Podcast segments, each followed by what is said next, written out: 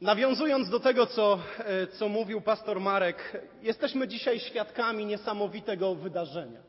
Jesteśmy świadkami tego, jak dorosłe, świadome e, osoby, siedem osób publicznie wyznawało, że Jezus Chrystus jest ich Panem.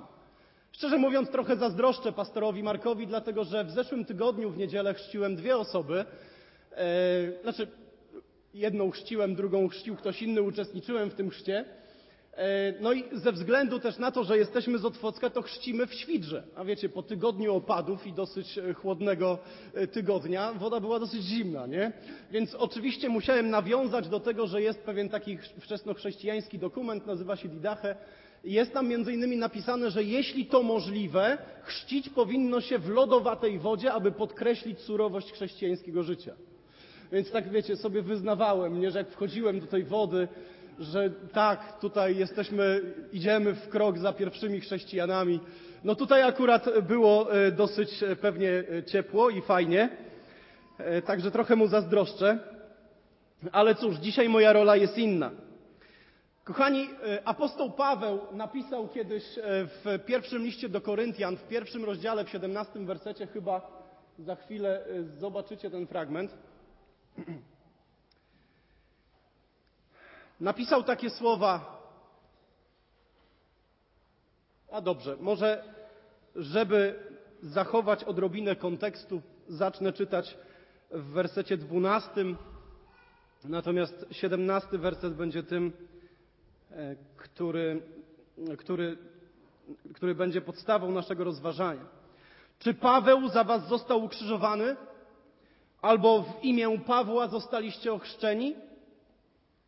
Dziękuję Bogu, że nikogo z was nie ochrzciłem prócz Kryspa i Gajusa, aby ktoś nie powiedział, że jesteście ochrzczeni w moje imię. Ochrzciłem też i dom Stefana. Poza tym nie wiem, czy kogo innego ochrzciłem. Nie posłał mnie bowiem Chrystus, abym chrzcił, lecz abym zwiastował dobrą nowinę. I to nie w mądrości mowy, aby krzyż Chrystusa nie utracił mocy. Słyszeliście, kochani, z listu do Rzymian, że chrzest jest symbolem pogrzebania w Chrystusie i zmartwychwstania w Chrystusie do nowego życia. Jest to wspaniały obraz tego, co dokonuje się w naszym wnętrzu w momencie, kiedy oddajemy swoje życie Jezusowi, kiedy Jezus staje się naszym Panem, kiedy, jak mówi prorok Ezechiel, Bóg zabiera z naszego serca, e, wnętrza, przepraszam, serce kamienne, daje nam serce mięsiste. Kiedy dokonuje się przemiana wewnątrz, tak samo chrzest pokazuje właśnie tą przemianę. Jesteśmy pogrzebani wraz z Nim w chrzcie i z martwych wstajemy w Nim do nowego życia. I dlatego właśnie byliśmy świadkami dzisiaj chrztu przez zanurzenie. Nie przez pokropienie, ale przez zanurzenie. Wiecie, ze względu na to, że jesteśmy w kościele baptystów, dosyć często e, pozwalam sobie powiedzieć, że e, słowo baptyści pochodzi od greckiego słowa baptizo, które w naszym języku jest tłumaczone jako chrzest. I wiecie, jest taka ciekawostka, może o tym słyszałeś, może ode mnie, ja dosyć często o tym powtarzam, ale najstarszy dokument, najstarszy dokument, jaki archeolodzy, archeolodzy znaleźli, w którym znajduje się greckie słowo chrzest, uwaga, nie wiem czy ktoś słyszał, ale pochodzi ze starożytnej Grecji i jest to przepis na marynowane ogórki. Tak, dokładnie wiedziałem, że taka będzie wasza reakcja, ale taka jest prawda, więc po raz pierwszy, na, znaczy po raz pierwszy pewnie używano go od dawna, ale najstarszy dokument, jaki zachowany został do dzisiejszych czasów, w którym znajdujemy słowo baptizo, to przepis, grecki przepis na marynowane ogórki. Powiedzcie mi, ktoś jadł marynowane ogórki? Współpracujcie trochę ze mną dzisiaj, ręka w górę. Ktoś, może, może powinienem inaczej zapytać, ktoś lubi? Słuchajcie, więc na potrzeby takie, te, tego rozważania, tutaj namyśliła się siostra, że ona też jednak lubi. A, okej. Okay. Słuchajcie, powiedzcie mi, szczególnie siostry, które gdzieś tam jednak e, wolicie nie kupować sklepowych, tylko zrobić coś same. Jeśli bierzemy taki ogórek i przygotowujemy do niego marynatę, to czy tak można, nie wiem, wziąć jakieś narzędzie kuchenne, nie za bardzo się na tym znam, i tak pokropić ten ogórek i to będzie taki dobry, kiszony na przykład? Czy marynowany? Nie, tam jedna siostra mówi, że nie. Nie? A może, słuchajcie, trzeba wziąć taki ogórek i jakieś naczynie z tą marynatą i tak go polać. Nie? A co trzeba zrobić? Zanurzyć coś w czymś. Słownikowa definicja greckiego słowa baptizo. Zanurzyć coś w czymś. I wiecie co? Najlepiej, oczywiście, może nie do końca jest to dobra analogia, jeśli chodzi o człowieka, bo nie chcemy go przytopić, ale jeśli chodzi o tego ogórka, to warto by było, żeby on jeszcze trochę w tej marynacie poleżał, nie? Czemu? Bo nie wystarczy nawet ten, te, to, że zanurzymy ten ogórek w tej marynacie. Co się musi dokonać? On musi, co? No tak jak go, ja wiem, teraz może sprawiam, że jesteście głodni, ale jak go gryziesz i tak ci cieknie tutaj może po brodzie, to co się dzieje? Ta marynata gdzie jest? Ona jest w środku. On przesiąka całkowicie. On przesiąka całkowicie. Więc chrzest chrzest, chrzest jako zewnętrzny symbol on tego nie dokona, ale jak powiedzieliśmy, jest symbolem zanurzenia w śmierć Chrystusa i wynurzenia do nowego życia, dlatego że śmierć Chrystusa dokonuje również zmiany wewnątrz, nie ogórka, ale człowieka. Coś się dzieje wewnątrz, dochodzi do pewnej przemiany, on przenika czymś. Wiecie, kiedyś pewien bardzo prosty w swoim usposobieniu kaznodzieja, który uczył się czytać na Pismie Świętym, nigdy wcześniej nie umiał, dopiero w dorosłości, kiedy się nawrócił, uczył się czytać na, na Piśmie Świętym. Powiedział taką rzecz, że on chciałby być tak bardzo pełen Ducha Świętego, że jeśli by przejechał po nim walec, to żeby nie wyszło nic innego. Prosta analogia prostego człowieka. I wiecie, naszym pragnieniem jako ludzi wierzących jest to, żebyśmy byli całkowicie wypełnieni Chrystusem. Żebyśmy stawali się podobni do Chrystusa, jak słyszeliśmy. Żeby ten proces uczniostwa sprawiał, że nie tylko jesteśmy chrześcijanami w słowach, mówię, o tak, ja wierzę w Jezusa, ale żeby wewnątrz naszego życia, żeby nasze życie świeciło Chrystusem, jak pisze apostoł Paweł, żebyśmy stawali się podobni do Chrystusa. Więc dlatego chrzcimy przez zanurzenie, nie przez pokropienie, nie przez polanie, ale przez zanurzenie, ze względu na znaczenie greckie słowa, greckiego słowa chrzest. Więc to jeśli chodzi o sposób chrztu. Natomiast jeśli chodzi o znaczenie słów, e, chrztu, jeszcze jedna analogia, którą dosyć lubię. To jest obrączka.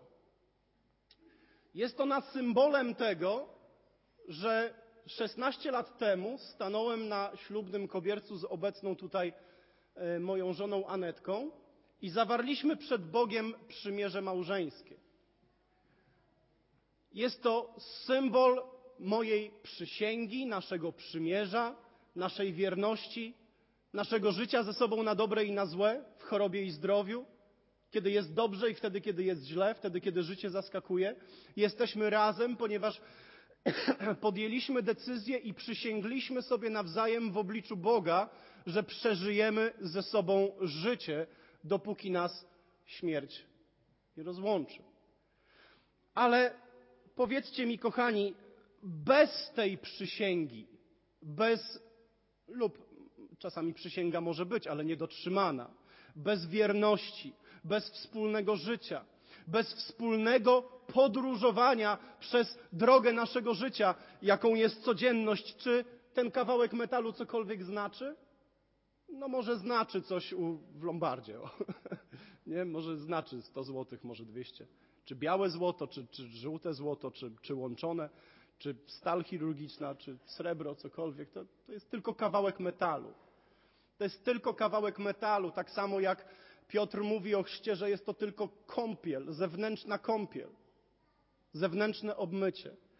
Natomiast połączone z wiarą i połączone z publiczną deklaracją Jezus Chrystus jest moim Panem. Jest to potężna, duchowa deklaracja tego, że Chrystus przemienił moje życie, tak samo jak ten pierścionek, ta obrączka jest symbolem tego, że jestem poślubiony jednej kobiecie. Takie jest właśnie znaczenie chrztu i o tym mówił pastor Marek. Natomiast wiecie i nie jest dla, dla Was na pewno zaskoczeniem, że jeśli chodzi o chrześcijaństwo, mamy za sobą 2000 lat e, funkcjonowania Kościoła i chrzest jako potężny duchowy symbol tego, co dokonuje się w życiu chrześcijanina, stał się niestety znakiem podziałów, e, znakiem e, różnic, znakiem kłótni, zarówno jeśli chodzi o sposób chrztu, o którym mówiłem na podstawie ogórków naszych kochanych, jak i jeśli chodzi o znaczenie chrztu, które przedstawiłem za pomocą obrączki. Zwróćmy się w takim razie do źródła, do Pisma Świętego, do fragmentu, który przeczytałem. Dziękuję, że dołożyliście te, te, wersety, chociaż myślę, że będę się skupiał na wersecie 17, więc skoro dołożyliście, to chwila chociaż z tych poprzednich wersetów. Ze względu na ograniczenia czasowe mojego dzisiejszego rozważania nie będę w tych wersetach długo e, spędzał czasu. Powiem tylko, podsumuję je. Zobaczcie, apostoł Paweł mówi, czy w moje imię zostaliście ochrzczeni? Ja w ogóle dziękuję Bogu, że, że niewielu z was ochrzciłem. Ochrzciłem Kryspa i Gajusa. Poza tym nie ochrzciłem, a nie, przepraszam bardzo, ochrzciłem jeszcze dom Stefana. Poza tym to nie pamiętam, czy, kogo pochrzci, czy kogoś ochrzciłem. Oczywiście ten fragment ma pewien kontekst, którego dzisiaj nie poruszamy, ale zwróćcie uwagę, że sam fakt tego, że apostoł Paweł nie pamięta, czy jeszcze kogokolwiek ochrzcił, to pokazuje, że w jego umyśle nie ma czegoś, co określę mianem sakramentalnego zrozumienia chrztu jako łaski, jako nośnika zbawczej łaski. Jeśli chrzest byłby e, tym, co przynosi zbawczą, e, e, zbawczą łaskę człowiekowi, jeśli to chrzest byłby, decydowałby o zbawieniu człowieka, to apostoł Paweł osobiście dopilnowałby, żeby wszyscy zostali ochrzczeni. Od tego by się zaczynało. To byłaby prawdziwa inicjacja chrześcijańska. Jesteście ochrzczeni, ok, jesteście nośnikami zbawczej łaski, teraz można popracować nad waszą wiarą. Tymczasem nie tak mówi Pismo Święte. Pismo Święte mówi, kto uwierzy, pierwsze, i ochrzczony zostanie, zbawiony będzie. Nie odwrotnie. Nie kto zostanie ochrzczony, a potem, jeśli dobrze pójdzie, jeśli tam życie e, dobrze. E, I teraz tak, czy ja tak długo mówię, czy on się tak szybko przebiera? Dobrze, tego nie wiem.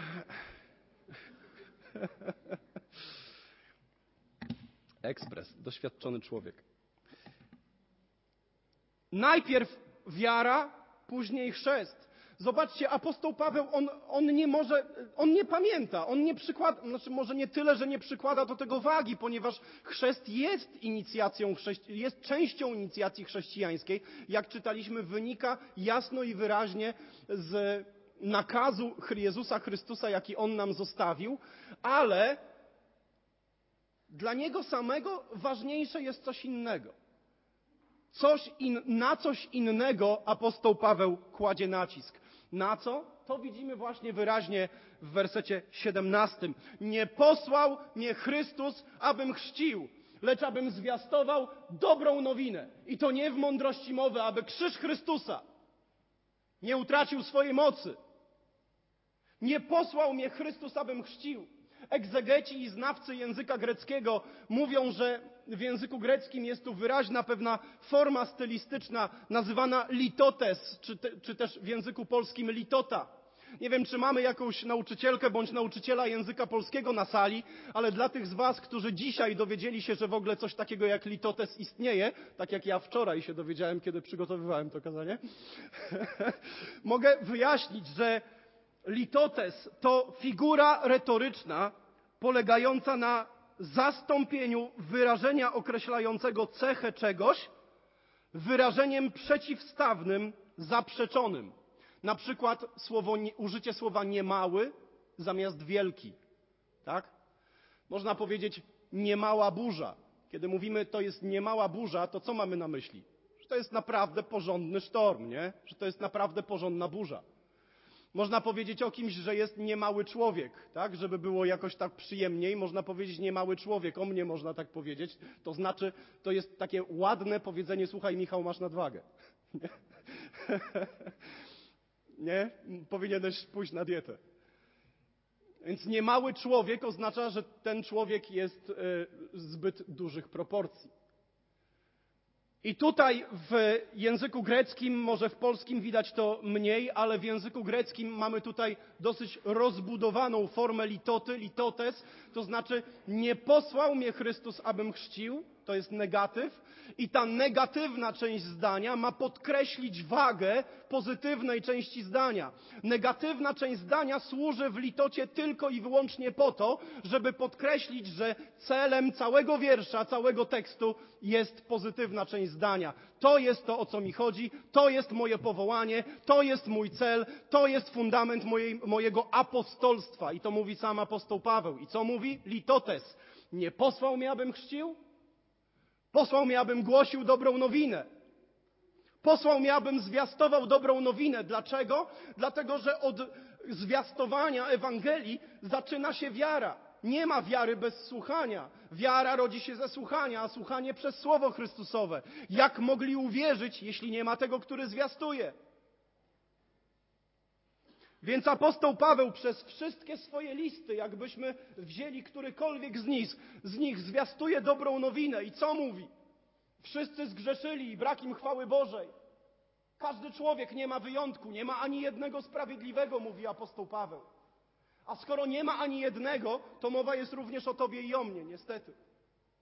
Nie ma ani jednego sprawiedliwego, wszyscy zgrzeszyli. Jeśli jesteś na tej sali i zastanawiasz się, nie, ja nigdy nie zgrzeszyłem, to przypomnij sobie dziesięć przykazań, o których dzisiaj powiedział apostoł, e, pa, apostoł dobrze, apostoł Marek. Niech będzie, niech będzie taki publiczny, e, dobry, e, dobry komplement.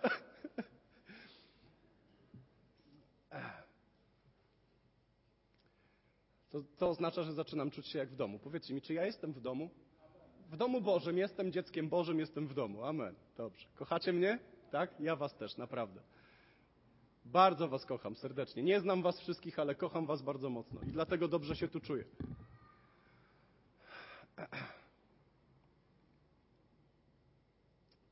Swoją Bogą, z drogą Bóg też się dobrze tutaj czuje. Psalm mówi, że Pan zasiada w pieśniach swojego ludu. Słowo zasiada w języku hebrajskim oznacza rozkoszuje się, odpoczywa, mieszka. Bóg zasiada tam, gdzie pieśni Jego ludu wznoszą się przed Jego oblicze. Więc jeśli zastanawiasz się, czy nie zgrzeszyłeś, to przypomnij sobie dziesięć przykazań. Którekolwiek z nich. I potem zadaj sobie pytanie, czy nigdy żadnego z nich nie, nie przekroczyłeś w swoim życiu. Dlatego właśnie Słowo Boże mówi, bez wyjątku wszyscy zgrzeszyli i brak im chwały Bożej. I w innym miejscu mówi, że zapłatą za grzech jest śmierć. To znaczy, dobra nowina zaczyna się od złej nowiny. To jest paradoks dobrej nowiny, że żeby w ogóle była dobra nowina, to najpierw musi być zła. Więc zaczyna się od złej nowiny. Jesteś grzesznikiem. I ja, i ty jesteśmy tacy sami, jesteśmy grzesznikami.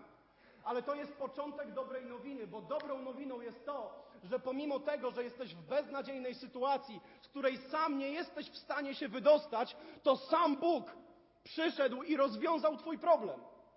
Zobaczcie, że wielu ludzi na przestrzeni historii sta chciało stać się bogami. Nawet w Nowym Testamencie Kaligula, później Neron, oni wszyscy chcieli stać się bogami.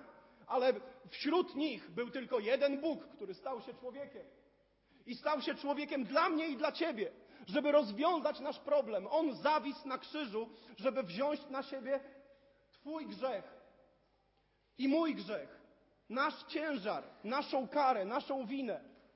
Więc to, co powinno spotkać mnie i Ciebie, dotknęło Jezusa Chrystusa, po to, żebyśmy przez wiarę w Nim mogli zostać usprawiedliwieni. Właśnie to apostoł Paweł głosi w każdym swoim liście. Z łaski jesteście zbawieni. Przez wiarę. Nie z was, nie z dobrych uczynków, żeby się ktoś nie chlubił. W Chrystusie Jezusie zostaliście stworzeni do dobrych uczynków, które Bóg wcześniej dla was przygotował, abyście w nich chodzili.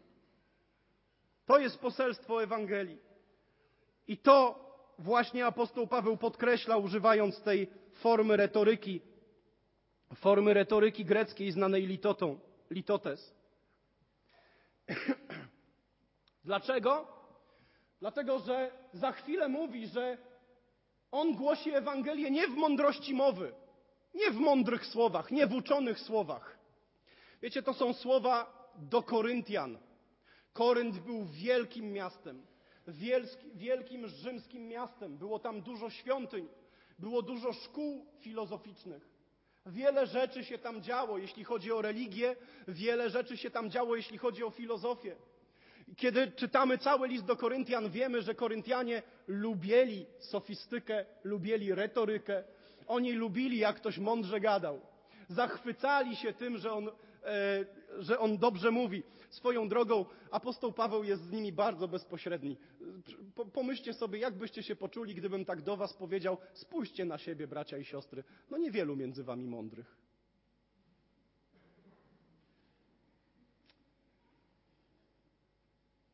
Niewielu uczonych. No chyba poczęli, no pewnie byście mnie więcej nie zaprosili, nie? Tymczasem on to w liście napisał i jeszcze dwa tysiące lat później to czytamy. No normalnie szczery facet do bólu. Ale on to powiedział dlatego, że ci ludzie zachwycali się retoryką. Wiecie, prawdopodobnie kłócąc się wcześniej w pierwszym rozdziale, ja jestem Pawłowy, ja Apollosowy, o ja Kefasowy,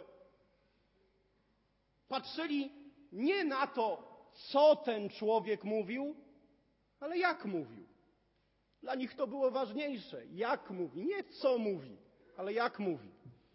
I apostoł Paweł bardzo radykalnie, mimo że użył przed chwilą litoty, rozbudowanej formuły retorycznej, teraz mówi: Nie będę głosił w mądrości mowy. Bo retoryka, chociaż ją znam, widzicie sami, nie jest tym, co chcę, żeby was przekonało. I wiecie co? Chyba dzisiaj chcę pójść za apostołem Pawłem. Powiem Ci szczerze, że nie interesuje mnie debata. Chociaż czasami jest potrzebna, jestem do niej przygotowany. Ale nie jest ona moim pierwszym narzędziem, którego uczy, używam, czy chciałbym użyć do przekonania Ciebie. Moim celem nie jest Cię przekonać. Moim celem nie jest przekonać Cię do Chrystusa mocą argumentu. Moim celem nie jest użycie fileo sofia, umiłowania mądrości. Nie chcę użyć fileo sofia, żeby Cię przekonać. Wolałbym, żeby obecność przyjaciela, o którym wspomniał Marek, Ducha Świętego, Ducha Prawdy, tego, który prawdziwie przekonuje świat o grzechu, o sprawiedliwości i o sądzie, żeby to Jego obecność przyszła i Cię teraz przekonała. Wiecie, kiedyś, bardzo dawno temu, ale używam nadal tej historii ze względu na jej adekwatność do naszego tematu dzisiaj. Kiedyś, bardzo dawno temu, na jeden z naszych obozów przyszedł człowiek i powiedział, młody człowiek, Dzisiaj już dorosły mąż i ojciec, ale wtedy młody człowiek, nastolatek, no czy może nie nastolatek, no trochę więcej. E, trochę więcej, bo przecież student Uniwersytetu Warszawskiego. I powiedział mi, przyszedł na nasz obóz i powiedział mi, słuchaj, Michał, e, jestem ateistą, nie wierzę w to, że Bóg istnieje, jestem studentem Uniwersytetu Warszawskiego, ale widzę, że robicie dobrą robotę dla dzieci, biednych dzieci z Otwocka i chciałbym jakoś pomóc. Czy mogę coś zrobić? I ja pomyślałem sobie, e, ok, możesz mnie skrytykować, e, ja wiem, czasami robię dziwne rzeczy, ale e, jako pastor spojrzałem na niego i pomyślałem sobie tak, ateista, student Uniwersytetu Warszawskiego, chce pomóc. Znasz angielski? Znam. Idź tłumacz lekcje biblijne dla dzieci. Jak nie będziesz znał jakiegoś, jakiejś terminologii biblijnej, to, to mnie zawołaj, ci pomogę. Poszedł i zrobił. I wiecie co? Domyślacie się co, nie? Dzisiaj to jest dorosły człowiek, mąż, ojciec, ochrzczony, wierzący, ochrzczony w wieku świadomym, członek naszej społeczności od wielu, wielu lat. Dlaczego? Dlatego, że ateista, student Uniwersytetu Warszawskiego, nawrócił się przez historię o zbłąkanej owieczce, która zabłąkała się w krzaczkach, bo się zahaczyła różkami i dobry pasterz Zostawił 99 owiec i poszedł odszukać tą jedną, a on był właśnie tą jedną. I wiecie, co go przekonało? Nie historia argumentu, ponieważ przekonał go banał w oczach świata ale przekonała go moc Ducha Świętego o tym, że i on bez Chrystusa jest taką właśnie owieczką zaplątaną w krzaczkach, która potrzebuje Chrystusa, który przyjdzie i ją uwolni. To go właśnie przekonało. Nie mądrość mowy, mówi apostoł Paweł, ale zwiastowanie krzyża Chrystusa po to, żeby krzyż Chrystusa nie utracił mocy. Wiecie, krzyż Chrystusa ma moc i dlatego ją zwiastujemy, bo to właśnie krzyż Chrystusa ma moc. To, co Chrystus zrobił na krzyżu. Wiecie, jaką moc ma? No, nie wiem, ja zdaję sobie sprawę, bo widzę mnóstwo znajomych twarzy i wiem, że o tym wiecie, ale to jest właśnie ten moment, żeby pokazać krzyż Chrystusa. Wiecie, 19 lat temu, 19 lat temu pewien bezdomny narkoman, który był uzależniony od heroiny, brał pięć lat heroinę przez, e, przez zastrzyki, przez wstrzykiwanie. Był dealerem narkotyków w Wolsztynie. Sprzedawał narkotyki dzieciom na ulicy. Sam był dzieckiem. Pewien bezdomny narkoman 19 lat temu dostał Pismo Święte, Gedeonickie Pismo Święte, Nowy Testament. I czytał, to było w lutym 2000 roku, w Monarze w Budach Zosinych koło Żyrardowa. I ten narkoman czytał tam Pismo Święte Ewangelię Jana. I dotarł do fragmentu, który mówi: Poznacie prawdę i prawda was wyzwoli. Poznacie prawdę i prawda was wyswobodzi.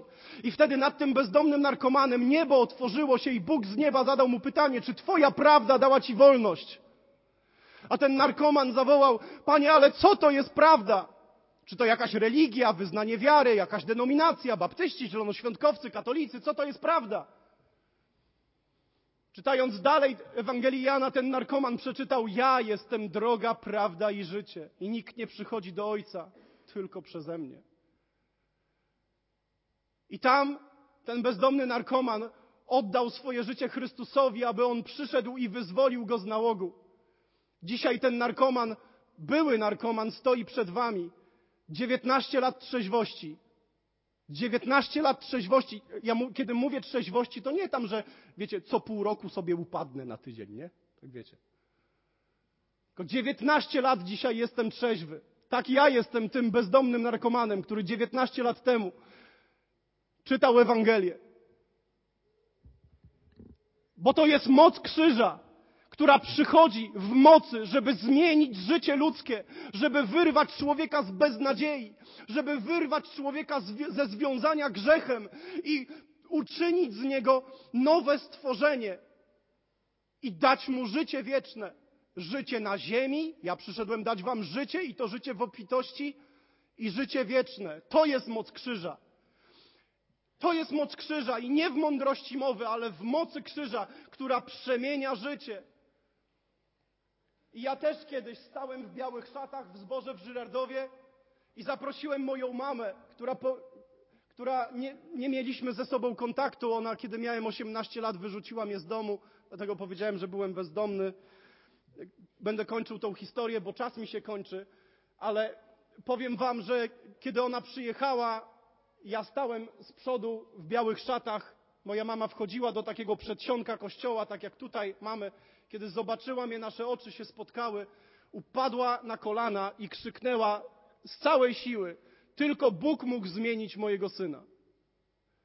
I oddała swoje życie Chrystusowi, sama zawierzyła Chrystusowi osobiście, dzisiaj jest również ochrzczoną osobą, członkiem Kościoła Zboru Baptystów w Wolsztynie. I to jest moc krzyża. I apostoł Paweł mówi, że że to jest to, co przynosi zmianę, to jest sedno Jego powołania. Nie posłał mnie Chrystus, abym chrzcił litota, ale posłał mnie, abym zwiastował i to nie w mądrości mowy, żeby krzyż Chrystusa nie utracił mocy. Więc chrzest, oczywiście, chrzest jest ważny, jak najbardziej. Chrzest jest posłuszeństwem Chrystusowi, jest jednym z pierwszych znaków, posłuszeństwa, jakie człowiek e, okazuje, stając się naśladowcą Chrystusa. Ale tym, co nas zbawia, jest krzyż. Tym, co nas zbawia, jest krzyż Chrystusa. Dlatego, że kiedyś pewien człowiek przyszedł i wziął na siebie mój nauk, mój grzech, moje związanie, aby uczynić ze mnie nowego człowieka. I tak samo zrobił dla każdej z siedmiu osób, którą dzisiaj widzieliśmy, jak świadczyły, i to samo przyszedł zrobić dla Ciebie. Za chwilę to nabożeństwo się zakończy. Jest jeszcze kilka punktów programu. Ale modlę się o to, aby to nabożeństwo tak naprawdę rozpoczęło dopiero coś w Twoim życiu. Rozpoczęło Twoją osobistą drogę z Chrystusem. Żebyś wyszedł stąd jako człowiek, który powie: Panie, oto jestem, przyjdź i ratuj mnie. Żebyś również Ty wyszedł stąd jako zbawiony człowiek. Bez względu na to, w jakim miejscu jesteś, bez względu na to, czym, w czym żyjesz, żebyś powiedział: Chryste, jesteś moim Panem. I niech Duch Święty Cię do tego przekona. To Duch Święty zradza na nowo nie Michał Szlachetka.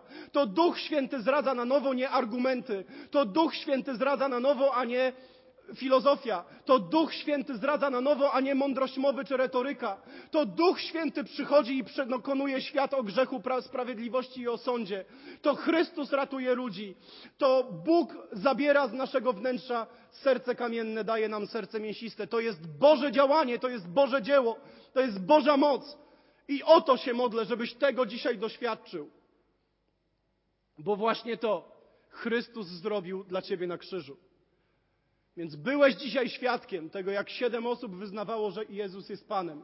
Niech ich świadectwo będzie również Twoim świadectwem, kiedy będziesz stąd wychodził. I mówię teraz do wszystkich. I do wierzących, do niewierzących. Żeby te piękne słowa, które, jak mówi apostoł Paweł w liście do Rzymian, yy, liście do Koryntian, możemy wypowiedzieć tylko w Chrystusie, tylko w Duchu Świętym.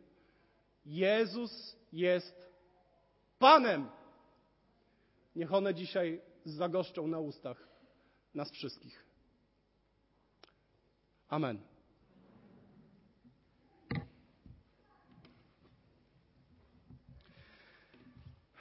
To może poproszę wszystkich o powstanie, pomodlę się, abyśmy wszyscy mogli powiedzieć głośne Amen. Boże, dziękuję Ci za Twoją ofiarę na krzyżu. Dziękuję Ci właśnie za to, że wielu ludzi chciało stać się bogami, ale tylko jeden człowiek, y, Bóg, stał się człowiekiem. Dziękuję Ci za to, że to byłeś Ty. I modlę się teraz, Panie, o każde serce, każdą duszę, każdego człowieka, który jest na tym miejscu. Abyś, Panie, w duchu swoim świętym przechadzał się pośród nas i otwierał serca, otwierał umysły. Żebyś Ty, Panie, stąpił na nas i przekonywał świat żebyś Ty działał na tym miejscu. A ja dziękuję Ci, Boże, za to, że jesteś wspaniałym Bogiem, kochanym Bogiem, cudownym Bogiem, który tak wspaniale działa i ratuje ludzi. Dlatego, Panie, w imieniu Twoim dziękuję Ci za to, że Ty umarłeś za nas. I w, tych, w tym słowie jestem również ja. Umarłeś za mnie. Niech Tobie będzie chwała, cześć i uwielbienie teraz i po wieki wszystkie, Panie, w Kościele i w całym świecie. Niech Twoje święte imię, imię Jezus, które zatriumfowało nad przekleństwem grzechu i śmierci, niech to imię będzie uwielbione. Halleluja. Amen.